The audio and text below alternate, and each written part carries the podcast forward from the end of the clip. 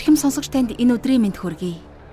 Библийн хуудас радио нэвтрүүлгийн цоо шинхэн дугаар эхэлж байна.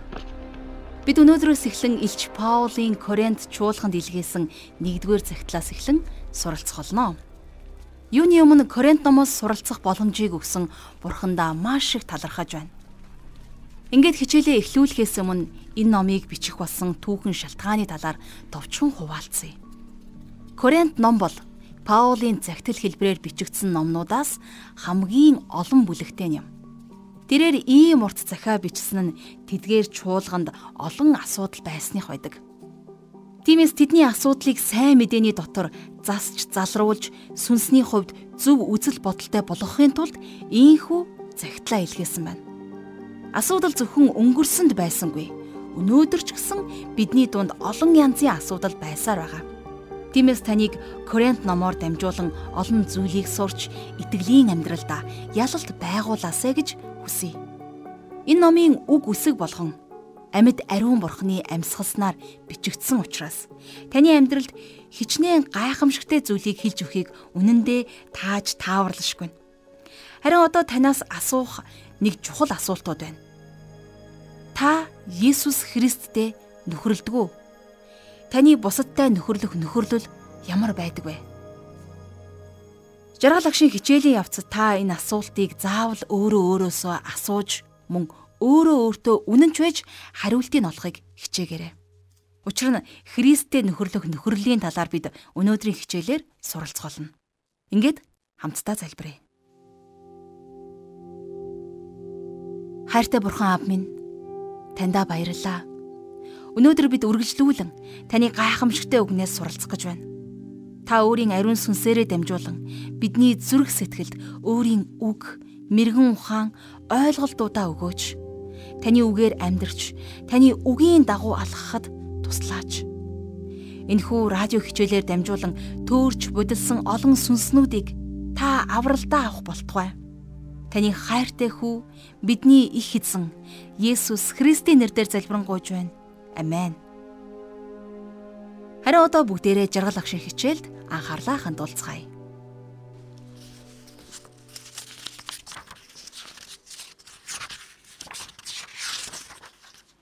За тэгэхээр өнөөдрөөс эхлээд бид хамтдаа Илж Паулийн Коринт хотынд бичсэн загтлыг судалж эхэлнэ.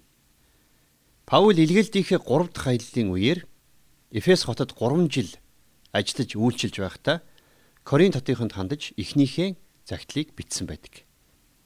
Паулийг Эфес хотод байхад нь Коринтод болж байгаа асуудлуудын тухай тэрэнд мэдээ ирсэн байна.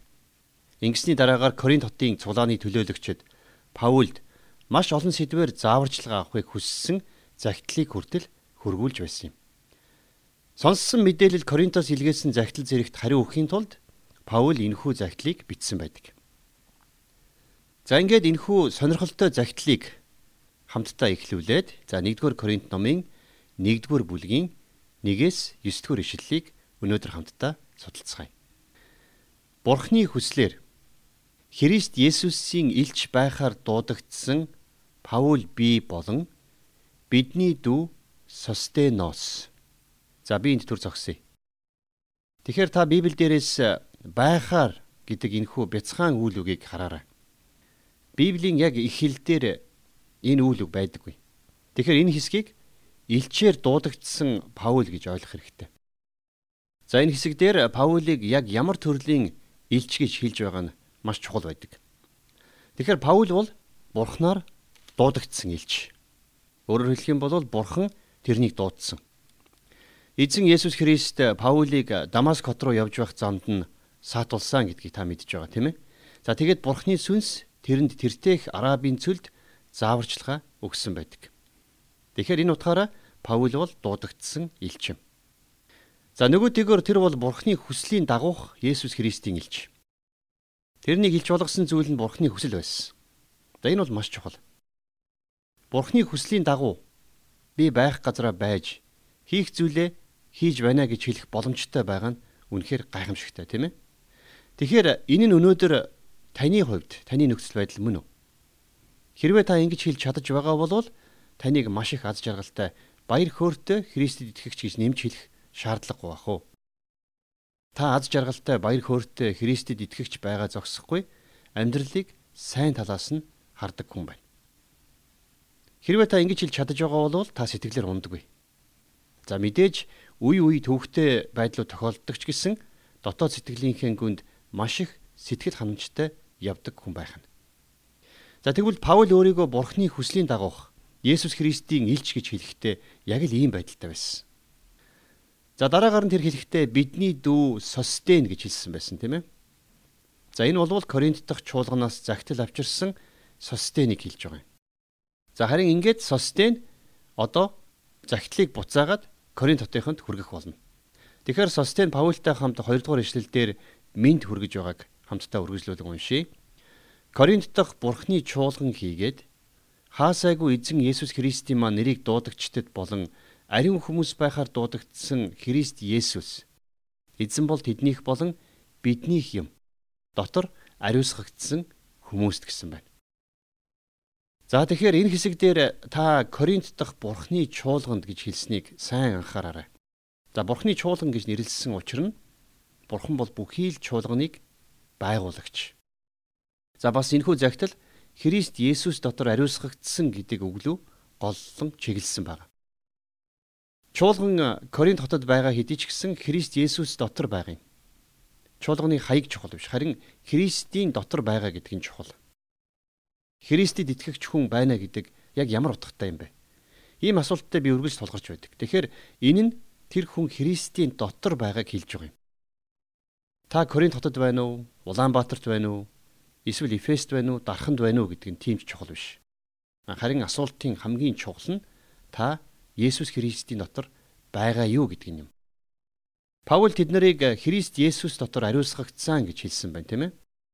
За, ариусгал гэдэг үг хэллэг болвол бидний өмнө нь Ром номд үзсэн шиг хідэн утга санаагаар хэрэглэгддэг. Бид нэр Христ Есүсийн дотор байдаг гэсэн байр суурийн ариусгал байдаг. За, ариусгал нь эцэг бурхан болон хүү бурхан болох эзэн Есүс Христтэй холбогдох үед энэ нь ерөнхийдөө байр суурийн ариусгалыг заадаг. За ариусгал нь ариун сүнстэй холбогдох үед энэ нь бодит ариусгал болдог юм. Тэгэхээр Христ та биднийг мэрэгэн ухаан, зөвхт байдал, золилттой хамт ариусгасан гэдгийг 30 дугаар ишлээс бид тун удалгүй хамтдаа суралцах болно. Энэ бол бидний ариусгалын тухай ярьж байгаа. За би ч мөн адилхан төгс байсан ч диважн руу очиж чадахгүй. Би төгс биш, төгс байдал руу ч төхөхгүй тийм ээ. Хэрвээ та намайг мэддэг байсан бол та миний хичээлийг сонссохгүй байсан баг. А гэхдээ байцнаарай. Миний үгийг дундаас нь таслан өөр зүйл рүү бити сатаараарай. Хэрвээ би таныг мэддэг байсан бол магадгүй би тантай ярихгүй байх байсан, тийм ээ? Тэгэхээр ариусгал гэдэг бол Христийн дотор бидэнд өгөгдсөн байр суурийг заадаг. Хэрвээ та Есүст итгэсэн бол тэр таны дээр таны дотор ариусгалыг хийсээр байна гэсэн. Та мянган жил амьдралаач гэсэн та аврагдсан хിവэрэ. Яагаад вэ гэвэл та Есүс Христийн дотор аврагдсан. Та энэхүү аврал дээр юу ч нэмж чадахгүй. За бас дээрэс нь бодит ариусгал гэж байдаг. А харин энэ нь солигдож өөрчлөгдөж байдаг. За тэгэхээр Коринтчуудын хувьд тэд нэр ариуссан ариун хүмүүс шиг байж чадаагүй. Ариун сүнсний ажил тэдний амьдралд тийм ч их харагдахгүй байсан. Харин тэд нэр Христ Есүс дотор байр суурьаараа ариусгагдсан байсан. Тэд нар ариун байхаар дуудагдсан гэж хэлж байгаа ч гэсэн энхүү байхаар гэдэг үг нь Библийн их хэл дээрээ байдаг. Тэгэхээр Паул дуудагдсан илж байсан шиг тийм ээ. Тэд нэр дуудагдсан хүмүүс байсан. Та бид нар ч гэсэн өнөөдөр дуудагдсан ариунтан хүмүүс тийм ээ. Тэгэхээр бид нар хийсэн зүйлээрээ дамжуулж ариун болдгоо. Харин бид нар Христийн доторх байр сууриараа ариун хүмүүст тооцогдсон. Тэгэхээр ариун хүн гэдэг нь үнэндээ бурханд зориулагдсан гэсэн утга санааг илэрхийлж байдаг. Христэд итгэгч хүн болгон Бурханд амьдралаа зориулах ёстой. За жишээ нь хуучин гэрээний үед майхан сүмд хэрэглэгддэг байсан сав суулгуудыг хожимо ариун сав суулгууд гэж нэрлэх болсон тийм ээ. Тэгэхээр яагаад эдгээр сав суулгуудыг ариун гэх болсон юм бэ? Яагаад үг гэвэл тэд нар бурхан зориулагдсан хэрэглэгдсэн савнууд болохоор тэр. За тэгвэл ямар үндслээр бурхны хүүхэд ариун болдог вэ гэсэн асуулт эндээс урган гарч ирж байна. Мэдээж бурханд хэрэглэгдсэн гэдэг үндслээр ариун болно. За энэ бол бидний байр суурьтай холбоотой ариусгал юм. За би дахин хэлье. Хүн хийсэн зүйлээрээ хизээч ариун болох боломжгүй. Бүх хүн төрлөختөн ариун болон ариун бус гэж өнөөдөр хуваагдана. Хэрвээ та Бурхны өмнө ариун бус хүн бол та ариун бус хүн гэсэн үг. Харин хэрвээ та Христийн дотор л байгаа бол та ариун тооцогдох нь байна, тийм ээ. За тэгвэл Коринтчууд хаасайгүй тэдний болон эзэн Есүс Христийн нэрийг дуудагчдтай хамт Христ Есүсийн дотор дуудагдсан за байр суурьныхаа хувьд ариун хүмүүс байсан. За тэдний болон бидний эзэн Есүс Христийн нэрийг хаа сайгүй дуудагч бүх хүмүүст гэж хэлсэн байсан тийм ээ. Тэгэхээр ингэж хэлэх юм бол энэ энэ бүх загтлаараа Коринт эсвэл хаа нэгтээ эзний нэрийг дуудагч чуулган зориулан заагдж байгаа гэдгийг илэрхийлж байна. За тэгээд Паул өөрийнхөө загтлын оршилд хэрэгэлсэн дараачийн хоёр чухал үг бол нэгүүлсэл ба амар тайван гэдэг үг байна. За үргэлжлүүлээд 3 дугаар ишлэлийг уншийе. Бидний эцэг бурхан ба эзэн Есүс Христэс нэгүүлсэл амар амгалан та нарт байх болтугай. За тэгэхээр нэгүүлсэл амар амгалан гэдэг энэхүү хоёр утга санаа үргэлж яг ийм дараалалаар явдаг. За нэгүүлсэл гэдэг үг бол грек хэлний карис гэдэг үгнээс гаралтай мэдчилгээний үг. Харин амар амгалан гэдэг энэхүү үг бол еврей хэлний шалом гэдэг үгнээс гаралтай За итгэлийн мэдчилгээний хэлбэр байгаа юм. Тэгэхээр Паул энэхүү хоёр үгийг холбож тэднийг хамгийн дээд түвшинд аваачсан байна, тийм ээ? Та бид нар бүгдээрээ бурхны нэгүслэр аврагдсан. За энийг би хувьдаа үйлдэл бүхий хайр гэж нэрлэдэг. Яагаад гэвэл бид нар бурхны нэгүүлсээр аврагдах үед бидний зүрхэнд бурхны амар амгалан оршдог. Тэгэхээр та Христийг аврагчаараа хүлээн авсан уу? Таны гим нүглүүдийг Христ авсан уу? Хэрвээ тийм бол таны зүрхэнд амар амгалан байх болно. Учир нь яагаад вэ гэхээр бурхан таны гим нүглийг өөртөө авсан гэсэн. Энэ тухай Ром хотынд бичсэн загтлынхаа 5 дугаар бүлгийн 1 дугаар эшлэлдэр Паул маш тодорхой ингэж хэлсэн байдаг. Тиймээс итгэлээр зөвтгөгдсөн бид бидний эзэн Есүс Христээр дамжуулан бурхантай эвлэрсэн билээ гэсэн байна. За тэгэхээр нэгүүлсэл бас амар амгалан гэдэг энэхүү хоёр үг бол маш эрхэм дээд үг юм. За үргэлжлүүлээ дөрөвдүгээр ишлэл дээр Христ Есүсийн дотор та нарт өгөгдсөн Бурхны нэгүүлслийн улмаас та нарын талаар би үргэлж Бурхандаа талархдаг. Есүс Христээр дамжуулан гэхээсээ илүүтэйгээр Есүс Христийн дотор гэж хэлэх нь илүү зөв байгаа юм. Яагаад вэ гэхээр Христийн дотор та бид нэр эдгээр бүх өрөөлүүдийг хүлээн авсан.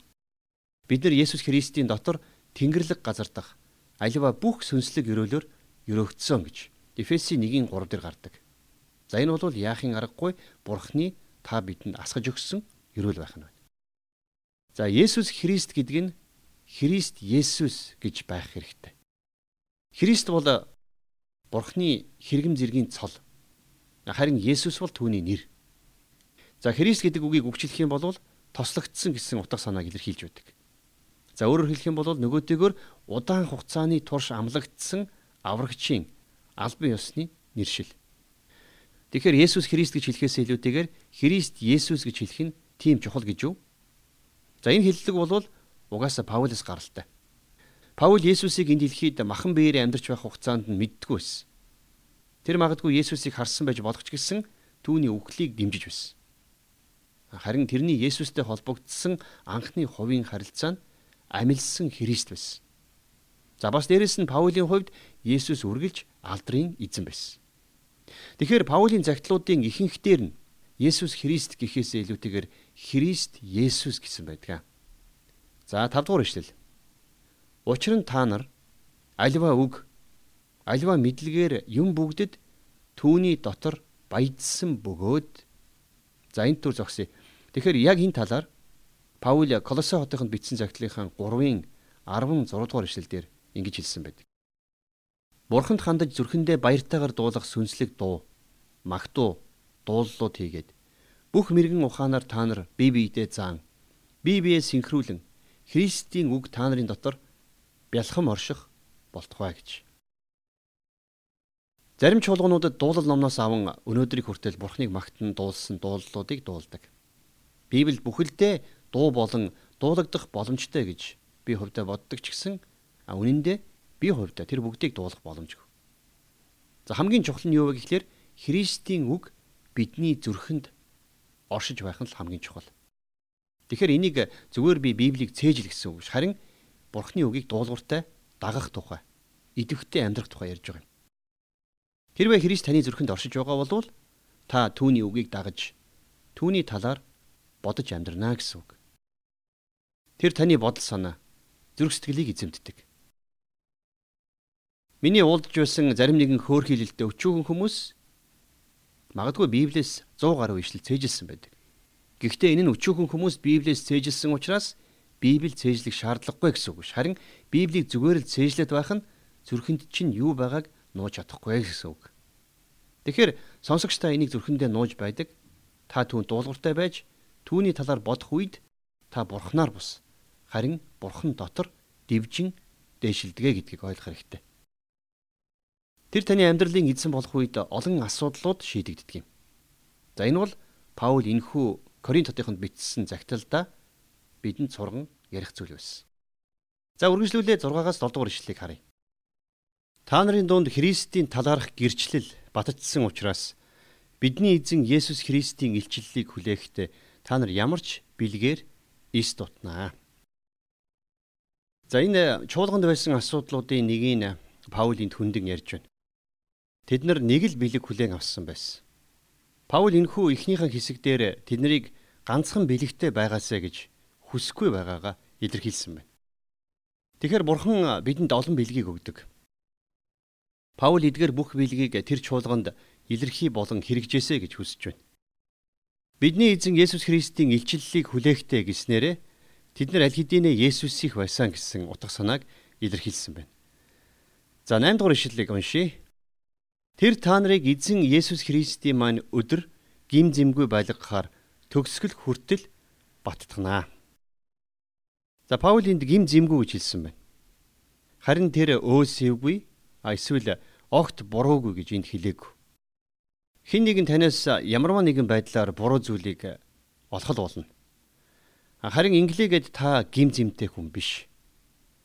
Эзэн Есүс Христийн маань өдөр гим зэмгүй байлгахаар буюу за эзэн Есүс Христийн маань өдөр гэдэг нь зөвхөн энэ өдрийг буюу өнөөдрийг хэлж байгаа юм биш. Бас тэр өөрийн чуулганыг энэ дэлхийгээс авахаар ирэх тэрхүү өдрийг хэлж байгаа юм. Тэр талаар Паул энэ загталтаа бас цаашид нэмж ярих болно. За харин одоо бид нэр Паулийн мэдчилгээ талархал болох оршлын за яг сүүлчийн хэсэг дээр ирээд байна. Тэгэхээр 9 дугаар ишлэл бол энэ загтлын түлхүүр үг байхаа гэж надад бодогддог. Тэгэхээр Есүс Христ бол Коринт чуулганд болон ер нь Есүс Христэд итгэгчдийн дундах хувийн асуудлын шийдэл гэдгийг энэхүү 9 дугаар ишлэлдэр онцлон ярьсан байна. За Коринтын болон өнөөгийн чуулгануудад байгаа асуудлуудын адил талыг дурдаад үзэх юм бол үнэхээр сонирхолтой. Шийдэл нь өмнө нь байсан шигэ яг адилхан шийдэл байдаг. За хамтдаа 9 дугаар ишлэгийг уншийе. Өөрийнхөө бидний эзэн Есүс Христийн нөхөрлөлд та нарыг дуудсан Бурхан итгэмжит юмаа гэсэн байгаа.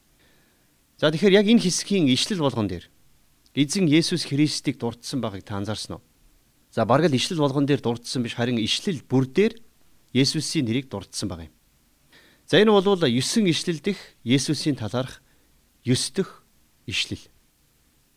Христийн хүн гэдэгт Паул онцгой холбогдол өгч байгаа нь эндээс тодорхой харагдаж байна. Өөрийнхөө бидний эзэн Есүс Христийн нөхөрлөл та нарыг дуудсан гэсэн энэ хэсэгт эзний маань нэрийг задлан уртсгаж байна. Энэ нь Есүсийн талаар дөрвөн гол тодорхойлтыг бидэнд өгч байдаг. За мэдээж тэх юм бол ямар ч эндүрэл гарахгүй. Тэрээр хоёр томоохон баримтлалыг гаргасан байдаг. За нэгдүгüрх нь өөрийн хүүгийн нөхөрлөлд дуудсан бурхан итгэмжит юмаа гэдэг үзэл баримтлал. Бурхан итгэмжтэй. Харин хүмүүс үргэлж итгэмжгүй байдаг тийм ээ. Тэр байтугай итгэгчд хүртэл үргэлж итгэмжгүй байдаг. Тэгэхээр бурхан бол цорын ганц итгэмжит нэгэн. За харин хоёрдугаарт нь та нарыг дуудсан бурхан гэснээрээ Христ Есүс доторх бурхны нэр хүндийг бидэнд оноож байна. Бид нэр бурхны хүү бидний эзэн Есүс Христийн нөхөрлөлд дуудагдсан. За энд гарч байгаа эзэн Есүс Христтэй холбогдох чухал үг болвол нөхөрлөл. За энэ үгийг гректээр koinonia гэж нэрлэдэг бөгөөд Паул энэ үгийг дахин дахин хэрэгэлсэн байдаг. За үнэн дээр койнония гэсэн энэ үг бас өөр хэд хэдэн утгатай. За койнония гэсэн энэ үг бидний өнөөдөр хэрэгэлдэг нөхөрлөл гэсэн утга санааг илэрхийлж байдаг. За нөгөөтэйгөр энэ үг бас хувь нэмэр гэсэн утгыг давхар илэрхийлдэг. Ромын 15 дугаар бүлгийн 26 дугаар ишлэлдэр Иерусалим дахь ариун хүмүүсийн дотор байгаа ядууст зориулж койнония өгөх болсон гэж тэр хэлсэн байдаг. Тэгэхээр энэ нь тэр хүмүүсийн амьдралд хувь нэмэр оруулж байсан гэсэн утгыг илэрхийлнэ. За тэгэхээр 1-р Коринт номын 10 дугаар бүлгийн 16 дугаар ишлэлд байгаа койнония гэдэг үг бол оролцоо гэсэн утгаар хэрэглэгдсэн байна. За энэ нь эзний зоогийн талаар ярьж байхдаа энэ үгийг хэрэгэлсэн байдаг. За би нэшлэг уншия. Бидний өрөөдөг өрөөлийн аяг нь Христийн цусан доторх оролцоо буюу за койнония биш үү? Бидний хугачдаг талх нь Христийн бие доторх койнония буюу оролцоо биш үү гэсэн байна. За 3 дугаарт нь койнония гэдэг үгийг бол нөхөрлөл гэсэн утга санаагаар хэрэгэлдэг. За 9 дугаар ишлэлд гарч байгаа тэрхүү нөхөрлөл гэдэг үгийг яг энэ койнония гэдэг үгээр илэрхийлсэн байна. Өөрийнхөө бидний эзэн Есүс Христийн нөхөрлөлд буюу койнонияд та нарыг дуудсан бурхан итгэмжид юмаа гэж уншиж болох нэ. За ямар ч хэрэгэлзээгүйгээр энэ бол бидэнд өгөгдсөн хамгийн агуу онцгой давуу эрхийн нэг баг юм. Хэрвээ та өнөөдөр Христийн дотор байгаа бол хэрвээ та түүн дээр ирээд Есүсийг аврагчаараа хүлээн зөвшөөрсөн бол та Христтэй нөхөрлөж байгаа гэсэн үг. Есүс таны анд нөхөр байхыг хүсэж байна. Тиймээс энэ нь Христтэй дотно ойр холбоотой байхыг илэрхийлж байдаг юм. Тэгэхээр хүмүүс дунд хідэн төрлийн нөхөрлөл байдаг. Бизнесийн нөхөрлөл. За жишээлх юм бол миний таньдаг хоёр найз байдаг л да. Тэд нэр арга цэрэгт байхасаа нөхөрлөсөн. Тэгээ хэдэн жилийн өмнө цэргээс халагдаад бизнесийн хамтрагч нар болсон байна. За тэр хоёрын нэг нь Есүс итгэж харин нөгөө нь итгээгүй. Тэрнээс хойш тэдний нөхөрлөл аз жаргалгүй нөхөрлөл болсон байна. Бид нар маш их хөрөнгө оруулалттай том бизнес эрхэлж нөхөрлөлт нь салаагүй. Нөхөрлөл салаагүй ч гэсэн тийм их аз жаргалтай сайн нөхөрлөл байж чадаагүй юм. За бас хайрын харилцаагаар нөхөрлөдөг гэрлэлт байдаг тийм ээ. За энэ нөхөрлөл бол маш ойр дотн харилцаа. Тэгэхээр Библийн хуучин гэрээн дээр намайг инээмсэглүүлдэг хідэн зүйл байдаг. Яагаад гэвэл Бурхны бодолд эрэгтэй хүн мөн эхнэр нь байсан гэдгийг бид нар сайн мэднэ. Газар хагалахын тулд үхэр илжиг хоёрыг хамтд нь холб гэж хэлээгүү. Тэд нар хамтдаа газар хагалахаар зориулагдаагүй. Тэгэхээр гэрлэлтэнд үхэр илжигнүүд хоорондоо холбогдсон байгааг би харин олонтаа харж байсан. За мэдээж ийм зүйл байж болохгүй. Яагаад гэвэл гэрлэлт бол бас нэг ёсны нөхөрлөл тийм ээ. Тэгэхээр эзэн Есүстэй нөхөрлөх гэдэг маань яг юу гэсэн үг юм бэ? Бид нар нэгэн зорилгын төлөө нөхөрлөдөг. За энэ нь юу гэсэн үг гэвэл та хийж байгаа зүйлээ эзэн Есүстэй хамт хийнэ гэсэн үг. Эзэмшиж байгаа зүйлээ түүнтэй хамт эзэмшнэ гэсэн үг юм. Тэгэхээр миний бүх зүйл Есүс Христийнх. Эдгээр зүйлсүүд минийх гэхээсээ илүүтэйгээр түүнийх гэсэн үг. Тийм учраас тэр надад юу байгааг сонирхож байдаг. Тэгэд ч би одоо өөрийнхөө амьдралдаа Есүст огт хамаагүй гэж бодож байсан зүйлсийнхээ төлөө гимших ёстой. Надад байгаа зүйлс зөвхөн надад хамаатай гэж амжирхан боддог үе надад байсан. Харин одоо хэдийгээр би тийм ч их зүйлийг эзэмшдэггүй ч гэсэн Есүс надтай нөхөрлөж байгаа цагт надад байгаа бүх зүйлс түүнийх. За мэдээж би машинтай. Машин уунаад гарах үед тэр машин минийх байдаг. А гэхдээ би бас эзэн Есүст машина түүнийх гэж хэлдэг. Би дээр хэлсэн шүү дээ надад байгаа бүхэн түүнийх. Би байрныхаа төлөө түүн талархдаг. За харин гэрлэлтийн нөхөрлөл арай өөр утгатай. Энэ нь хоёр талын сонирхлыг багтаасан байдаг юм. За би бас эзэн Есүстэй энэ төрлийн нөхөрлөлөөр найзалдаг. Энэ нь Христ намайг сонирхдаг, бас би түүнийг сонирхдгоо гэсэн үг. Тэгэхээр энэ нь нөхөрлөлийг маш өндөр зэрэглэлд аваач байдаг юм. За бас нөгөөтэйгөр энэ нь хоёр талаас гарах хайр халамж. Түүний баялаг бол минийх, минийх болохоор түүнийх. Тэр тийм жихийг авдаггүй, харин тэр намайг эзэмшдэг. Энэ нь би хаашаа явж юу хийж болох вэ гэсэн асуултанд хариулт болж байдаг юм. Миний би ганцхан ариун сүнсний сүм байгаа зогсохгүй. Би бас Христ их. Христ минийх гэдгийг олж мэдэх тэр үед би Есүст өөрийн биеийг хамгийн сайнаараа зориулахыг хүсдэг болсон. За бас хайрын нөхөрлөлд хоёр талаас гарах үйлчлэл мэдээж байна. Бурхан бидний сул дорой байдалд өөрийгөө өргөн үйлчилсэн. Надад Бурханы дүлгөөн байдал хэрэгтэй. Тиймээс би түүнээс хүчийг хүлээн авдаг. За ингээд 9 дугаар ишлэлд Паулийн мэндчлэгийг багтаасан байна. За үнэн дээр уг захианы үлдсэн бүх хэсэг бол за 1-р Коринтын 15 дугаар бүлгийн 58 дугаар ишлэл хүртэлх томоохон утга агуулга явж байгаа. За хамтдаа энэхүү ишлэгийг уншийе. Тимээс ゥ нар минь.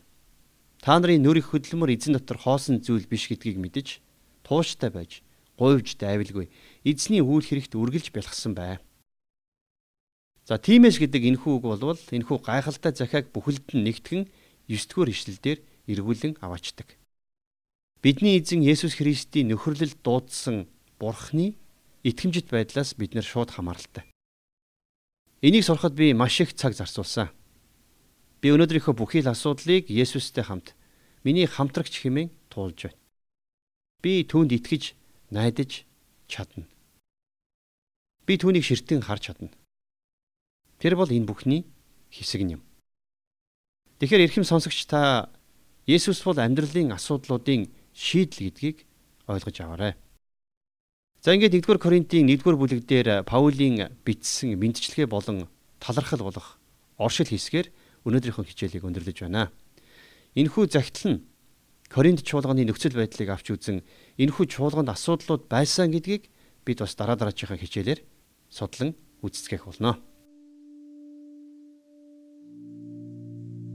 Тэгэхээр өнөөдрийн хичээл бидэнд Бурхны үгнээс маш олон зүйлийг суралцах боломжийг олгосноор их онцгой хичээл байлаа. Игэл жирийн хүн намайг хаанч байсан Есүс Христ дотор байх нь хичнээн чухал вэ гэдгийг мөн би түүн дотор байвал ямар ч үед баяр хөөртэй сэтгэл хангалуун байх боломжтой гэдгийг ойлгож авсандаа үнэхээр их баяртай байна.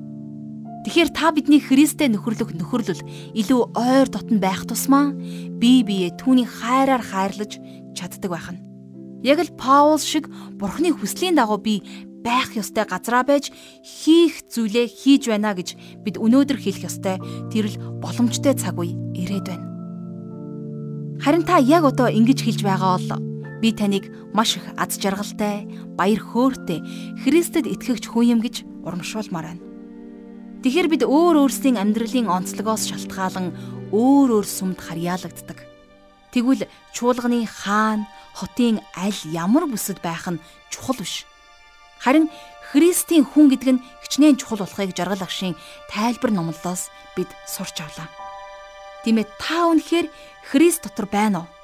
Зүрх сэтгэлээ шалгаж заавал энэ хариултыг та өөрөө өөртөө олж хэлээрэй. Учир нь бидний байр суурь үргэлж Христ доторх ариусгал байдаг. Та түүнд итгэж түүнийг болсон л бол таны дээр Христийн ариусгал хийгдсээр байгаа.